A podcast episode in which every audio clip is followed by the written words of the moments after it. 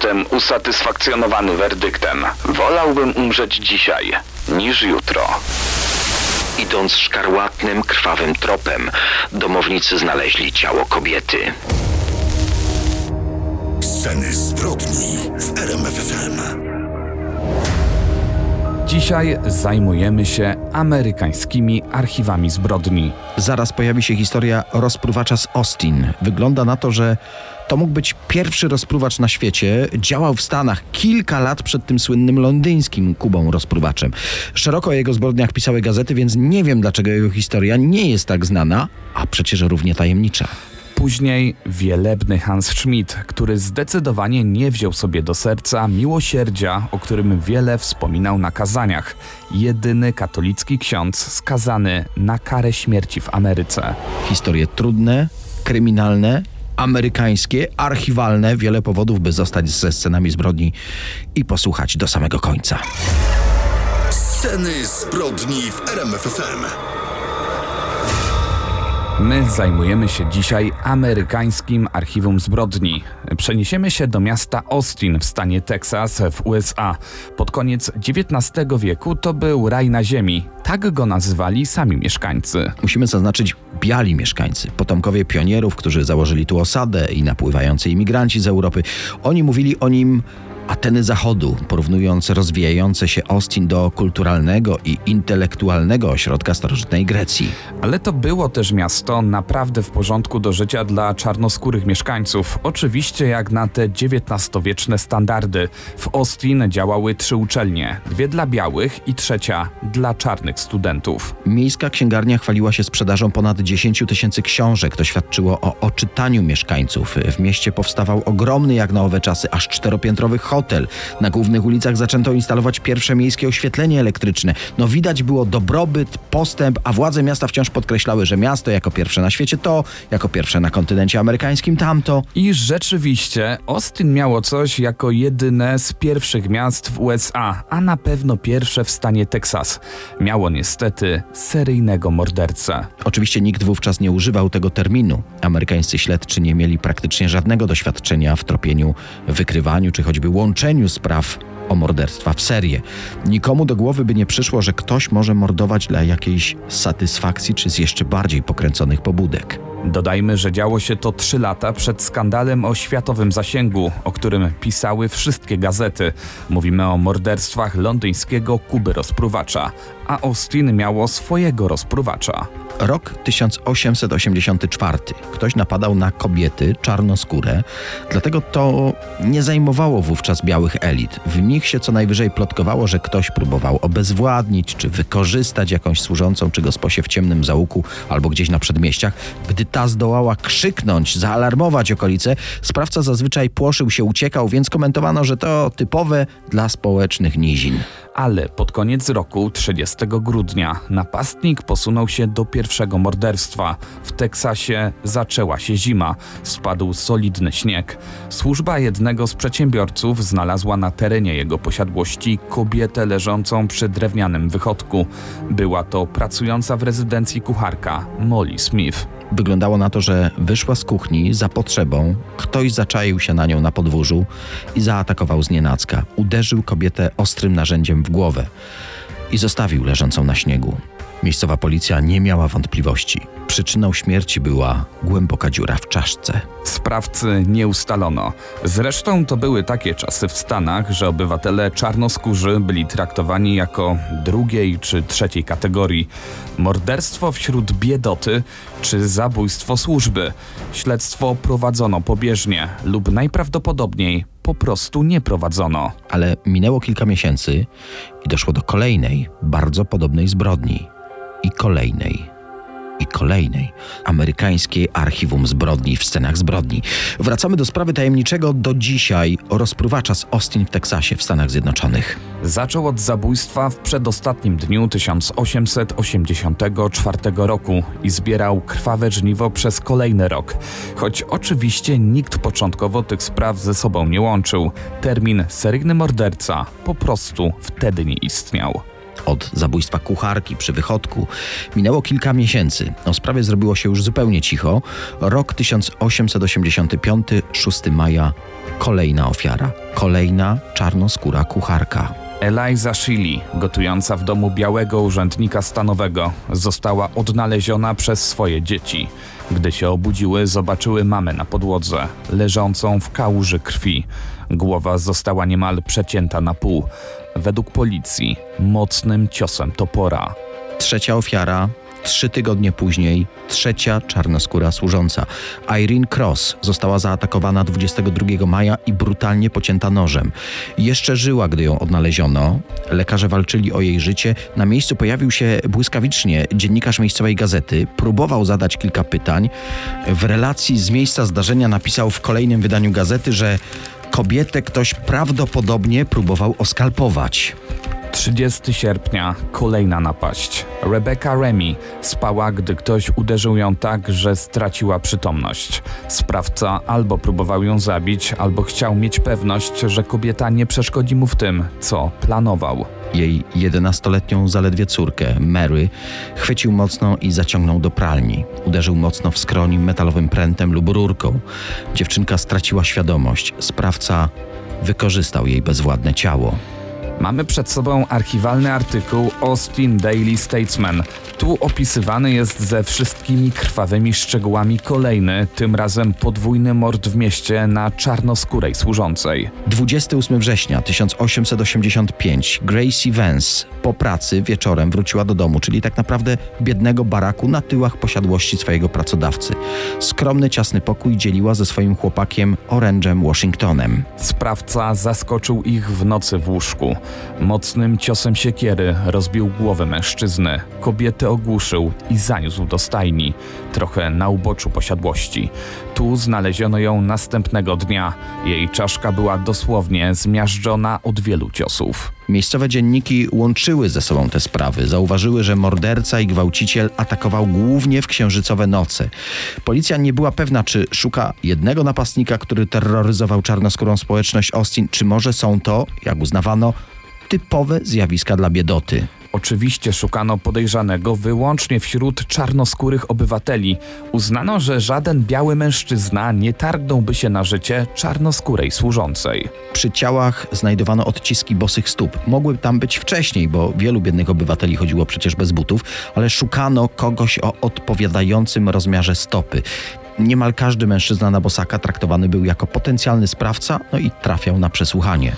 Zresztą wystarczył jakikolwiek donos białego obywatela, że czarnoskóry służący dziwnie się zachowuje, by trafił on do aresztu celem wyjaśnienia. Z historii USA wiemy, że rasizm wobec Afroamerykanów był wówczas czymś powszechnym i jakkolwiek to zabrzmi, oczywistym. Ale samo Austin było miastem uważanym za przyjazne dla czarnej społeczności. Co najmniej kilka firm zostało założonych przez czarnoskórych przedsiębiorców. Ale po morderstwach cała ta pozorna równowaga runęła. Różnice między rasami stały się jeszcze bardziej jaskrawe, a podziały mocniej się zarysowały.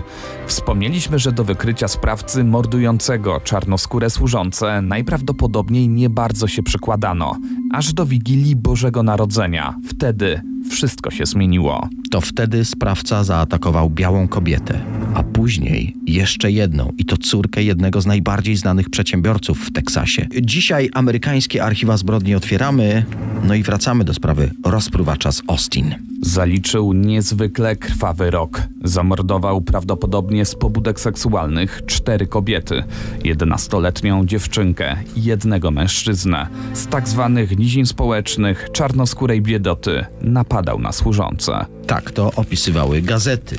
Tym samym biali mieszkańcy czytali o tym trochę jak o sprawach, które ich zupełnie nie dotyczą, które choć dzieją się w zaułkach obok, to tak naprawdę gdzieś daleko. Aż do Wigilii roku 1885. Bogate rodziny uczestniczyły w tradycyjnych przedświątecznych wydarzeniach. Jednym z obowiązkowych punktów programu dla śmietanki Austin był dobroczynny koncert kolęd w wykonaniu wychowanków Państwowego Instytutu Niewidomych. Po nim świąteczne kazanie w kościele prezbiteriańskim. Wychodzący ze świątyni zaczęli jednak przekazywać sobie niepokojącą plotkę. Ktoś zamordował Sue Hancock, nie była czarnoskórą służącą. Była, jak to opisywały gazety, jedną z najbardziej wytwornych kobiet Austin. Jej mąż znalazł ciało za domem, na podwórku. Podobnie jak w przypadku czarnoskórych służących, tak i tu napastnik uderzył siekierą w czaszkę, niemal rozłupując ją na dwoje. Ale to był dopiero początek upiornego wieczoru wigilijnego. Godzinę później kolejna koszmarna wiadomość. W najbogatszej dzielnicy miasta zamordowano Eule Phillips, córkę szanowanego przedsiębiorcy. Kolejne plotki rozchodziły się po mieście lotem błyskawicy, że zaatakowano ją i jej męża w ich własnej sypialni, w wielkiej, bogatej rezydencji. Sprawca wtargnął do środka, ogłuszył jej męża mocnym uderzeniem w tył głowy. W łóżku znajdował się także ich mały synek. Sprawca zostawił go na szczęście w spokoju. Chłopczyka znaleziono, gdy bawił się jabłkiem u boku nieprzytomnego taty. Mamy nie było w łóżku. Sprawca najprawdopodobniej ogłuszył także ją i wyniósł z domu. Z sypialni widać było stróżkę jej krwi. Jak to opisał dziennikarz Fort Worth Gazette, idąc szkarłatnym, krwawym tropem, domownicy znaleźli nagie ciało kobiety w ciemnej uliczce, tuż za rezydencją. Eula Phillips leżała naga na plecach. Cytujemy wspomnianą gazetę. Leżała z twarzą zwróconą ku niebu w przyćmionym świetle księżyca z wyrazem agonii, którego sama śmierć nie starła z jej rysów. Na jej ramionach sprawca ułożył ciężkie drewniane elementy konstrukcyjne, jakby chciał ją unieruchomić przed gwałtem i przed ostatecznym ciosem.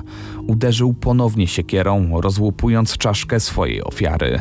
W gazecie Statesman następnego dnia wielki tytuł krzyczał z okładki Blood, blood, blood, krew, krew, krew, straszliwa nocna rzeź.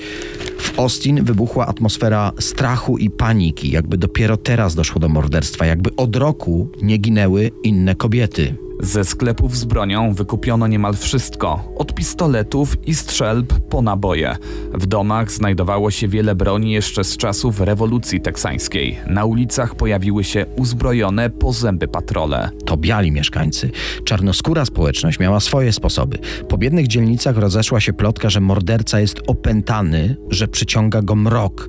Przez całą dobę więc palono w domach świeczki i innymi ceremoniami odpędzano złego ducha.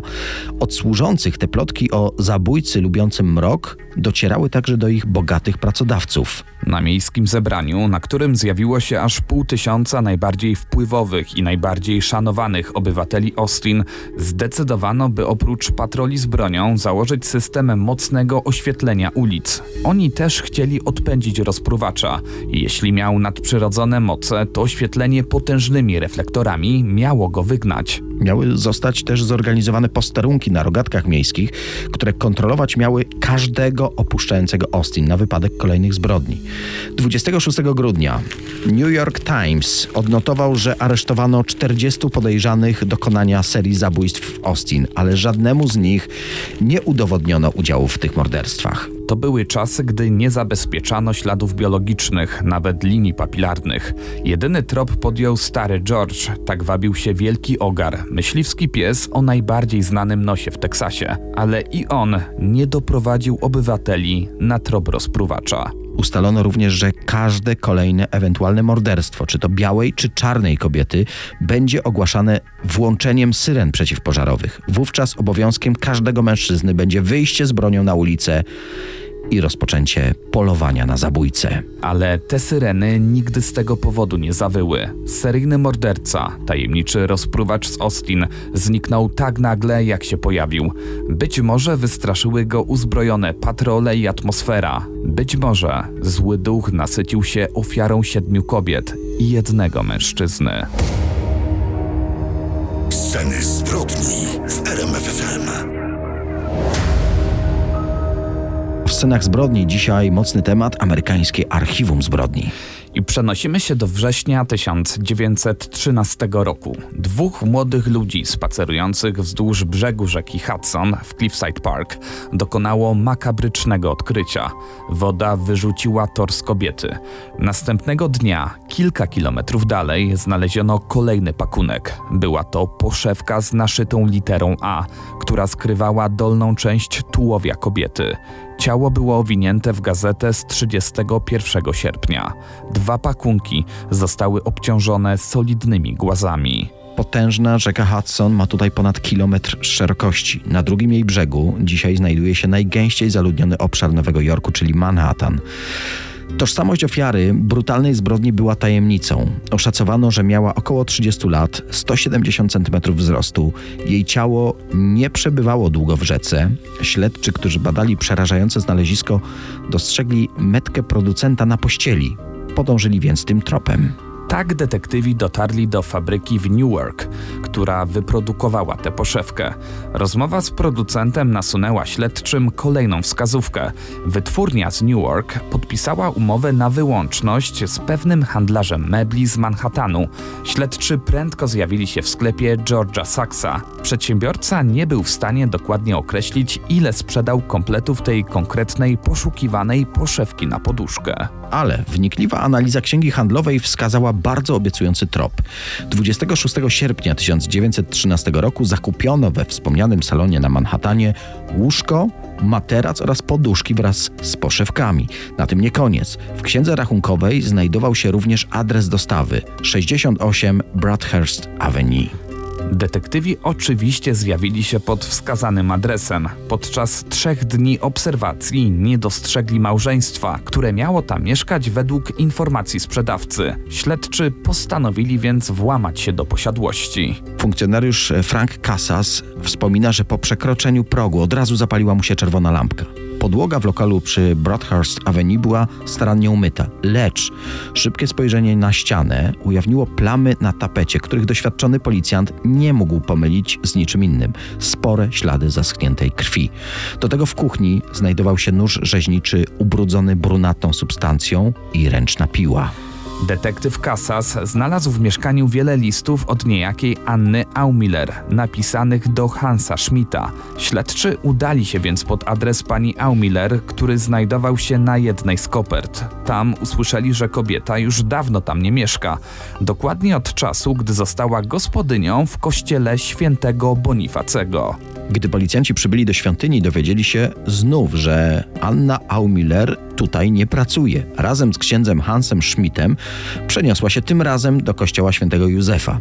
W końcu śledczy w środku nocy dotarli do tej parafii świętego Józefa. Proboszcz zaprowadził inspektorów do salonu, no i oczywiście nakazał obudzić 32-letniego ojca Schmidta.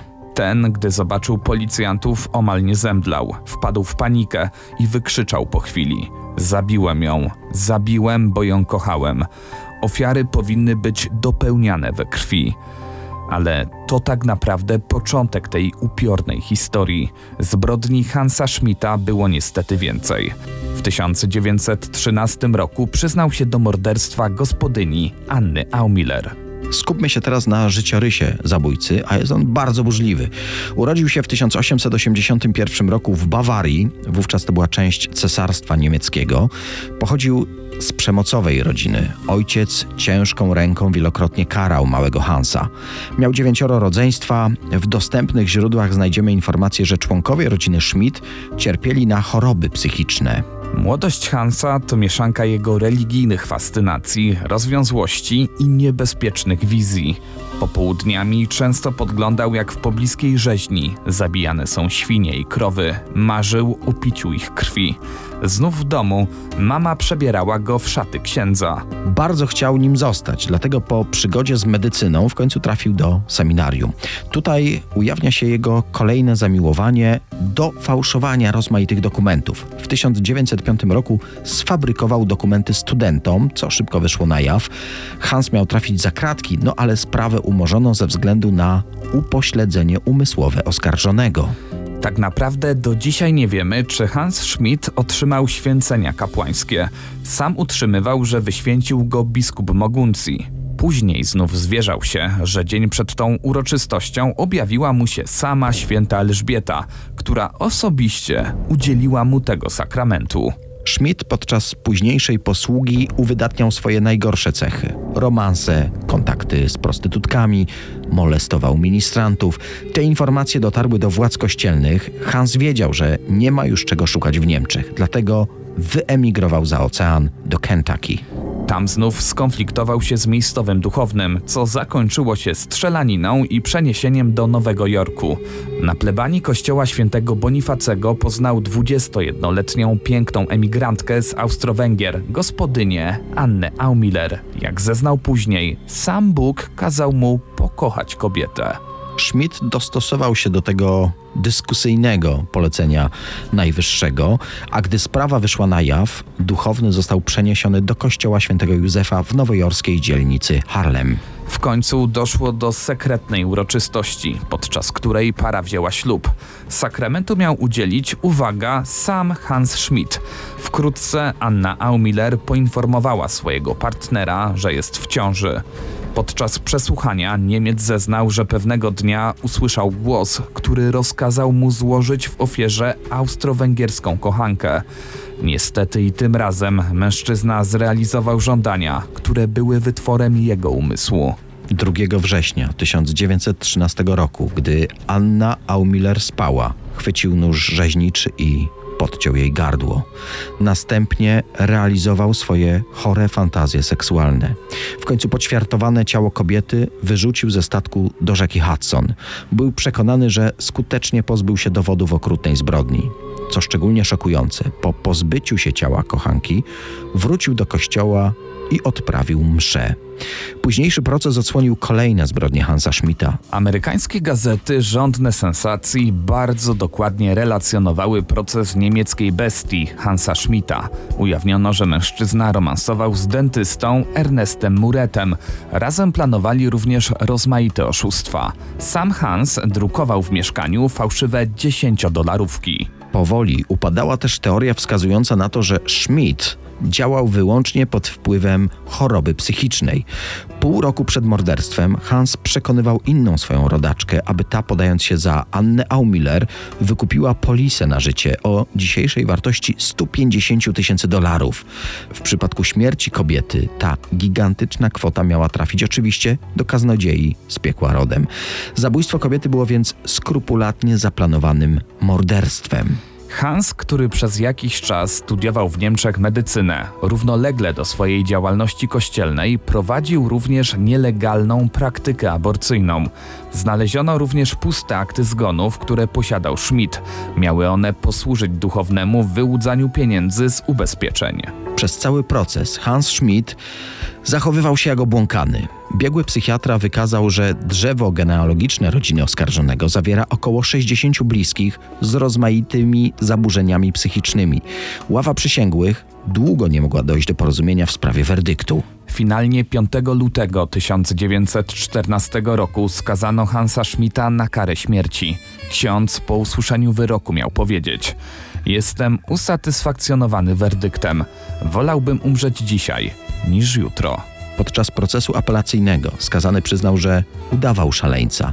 Przekonywał również, że to jego kochanek, dentysta Muret, zabił Annę Aumiller podczas nieudanej aborcji. Przyznał się do winy, by go po prostu ratować.